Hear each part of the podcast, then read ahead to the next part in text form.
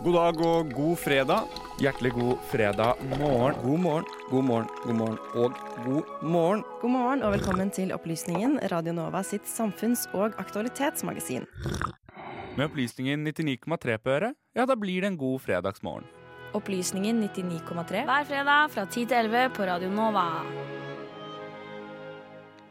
Ja, da er vi i gang. Skal vi se. Um, Amalie, har du hørt om begrepet democratic backsliding før? Jeg, jeg må ærlig innrømme at jeg har bare hørt om det i redaksjonsmøtene våre. Eh, vi har jo et godt knippe statsvitere eh, i redaksjonen. Det har vi. Du og jeg er jo journalister. ja. Eh, det har ikke vært så mye snakk om det på vårt studie, tror jeg. Nei, jeg, jeg må faktisk ærlig innrømme at jeg har aldri hørt eh, det begrepet før. Eh, man kan jo kanskje liksom prøve å tenke seg sånn litt hva det betyr. Men eh, jeg vet ikke definisjonen, på en måte. Nei, altså backsliding Da, da ser jeg Jeg får veldig bilder i hodet, da. Eh, at man liksom er på en slags eh, sklie, og så sklir man bakover. og så Ja. er demokrati der oppe, og så Ja. liksom eh. no! Ja, så det blir jo liksom å liksom gå fra demokrati, da. Men eh, nei. Vi har jo faktisk eh, en veldig stødig reporter her i Opplysningen, og det er jo Benjamin. Og han kan jo veldig mye om det her, veldig interessert i det her. Så da tror jeg bare vi kan si at eh, Benjamin kan ta den. Ja. Vi skal snakke om et fenomen du garantert har hørt om, men kanskje ikke har et konkret navn på. I statsviternes verden heter det gjerne democratic backsliding. Enkelt forklart, dette handler om land som i utgangspunktet er demokratier, der demokratiet er i tilbakegang. Ofte presenteres det som et globalt fenomen, med en ganske dyster tone. The quality of democracy is in decline. The erosion of democracy worldwide reached a new peak last year. Populister kommer til makten, kaprer demokratier og bryter dem ned fra innsiden. Og så videre. Det trenger ingen lengre introduksjon. Men det er noe med inntrykket jeg stusser over og har tenkt fryktelig mye på. Er vi egentlig så små og maktesløse som det kan virke når vi leser disse tingene? Vel, jeg har en hypotese. Når vi overfokuserer på nåtiden, der vi tegner sånne skumle portretter av populære autoritære ledere, ja, da er det ikke så rart at situasjonen virker både håpløs og deprimerende. I samme slengen mister vi essensen av noe mye større. Bevegelse. Verden er det jo vi mennesker som lager, og ingenting er hugget i stein. Sagt med et annet ord, vi har agens. Jeg som journalist skal ikke og kan ikke egentlig spå fremtiden. Men vi må ikke glemme at tidsdimensjonen er kjempeviktig. I mediedekningen av backslider-demokratier som Tyrkia, Ungarn, Israel, Polen eller Georgia, ja, da er vi flinkere til å formidle problemene enn motkreftene. Og motkreftene skal vi nok ikke undervurdere. For uansett hvor skumle de autoritære populistfigurene ser ut, så er det vanskelig, selv for Orban, Erdogan eller Netanyahu, å fjerne valgsystemene. Tross alt, selv i et backslider-demokrati må de fremstå legitime for å overleve ved makten. Så du vet hvem Erdogan er. Afet bölgesine yakın yerlerden başlayarak kış sezonu sebebiyle Men kan du navnet på hans største motstander? On Monday, the coalition agreed to have secular opposition leader Kemal Kılıçdaroğlu Ikke det, nei.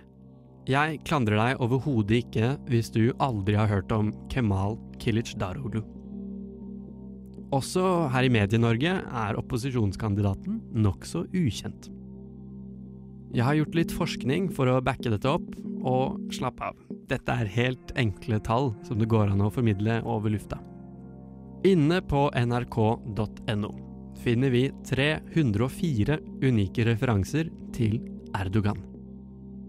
Opposisjonslederen Kilic Daroglu har usle 14. I artikler på aftenposten.no dukker Erdogan opp 310 ganger. Og han Kilic Daroglu bare 16. Jeg tror du tar poenget. Noen får mer oppmerksomhet enn andre. I tiden etter det brutale jordskjelvet som rammet Tyrkia i januar, har det blitt publisert veldig få meningsmålinger. Men nå i mars måned har en tyrkisk storkoalisjon inntatt ledelsen mot Erdogan.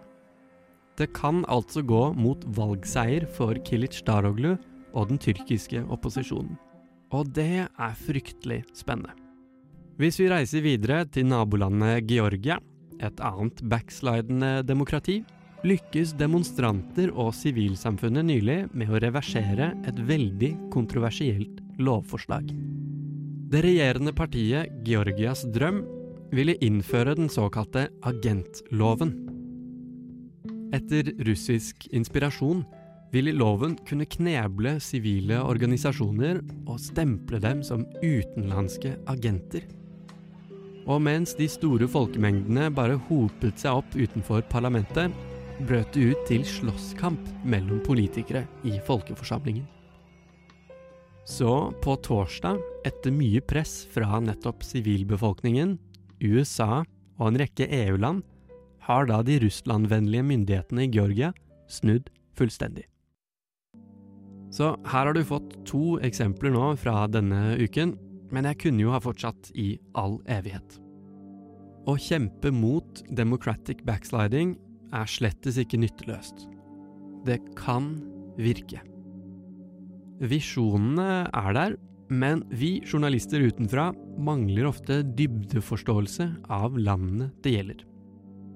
For vi som bor i Norge, har kanskje ikke den mest direkte, taktile, håndfaste følelsen av hva backsliding er, og hvordan det oppleves. Skal vi tro The Economist Intelligence Unit, eller tenketanken Freedom House, bor vi i det som år etter år kåres til verdens mest demokratiske land. Bravo, Norge! Ikke dårlig. I en artikkel for Carnegie Endowment for International Peace har forskerne Tom Carothers og Benjamin Press forsøkt å undersøke backsliding gjennom historien. Statsvitere er ofte veldig uenig i hvordan man skal sette tall på demokratisk utvikling, men Carothers og Press har likevel landet på en usedvanlig optimistisk konklusjon. To av tre backsliderland havner omsider tilbake på demokratisk kurs. Hm, er alle disse bekymringene om backsliding egentlig litt overblåst? Tja, jeg ville nok advart deg før vi kaller det en dag og begynner å hvile på laurbærkransen. I de siste tiårene har mange oppdaget at demokrati ikke er en naturlig endestasjon eller noe som er gitt av seg selv. Og her er vi inne på det som gjerne kalles politisk kultur. Et av knepene autoritære ledere bruker for å påvirke oss borgere, er å så tvil om sannheten. En av de mest vellykkede propagandataktikkene i eksempelvis Russland og på Filippinene har vært å pumpe medierommet stappfullt med masse helt motstridende fakta. For hvis vi borgere får følelsen av at ingenting egentlig er sant, og alt er mulig, ja, da er det ganske vanskelig å ta stilling til noe som helst. Hovedmålet med denne typen moderne propaganda er bestandig det samme.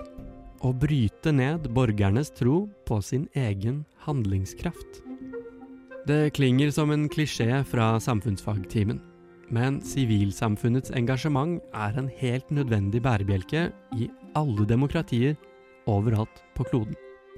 Ukens påminnelser fra Tyrkia og Georgia burde minne oss på at vi har agens. For borgere som deg og meg er det kanskje nyttig å tenke på demokrati som et verb. Noe vi gjør og lager hver eneste dag.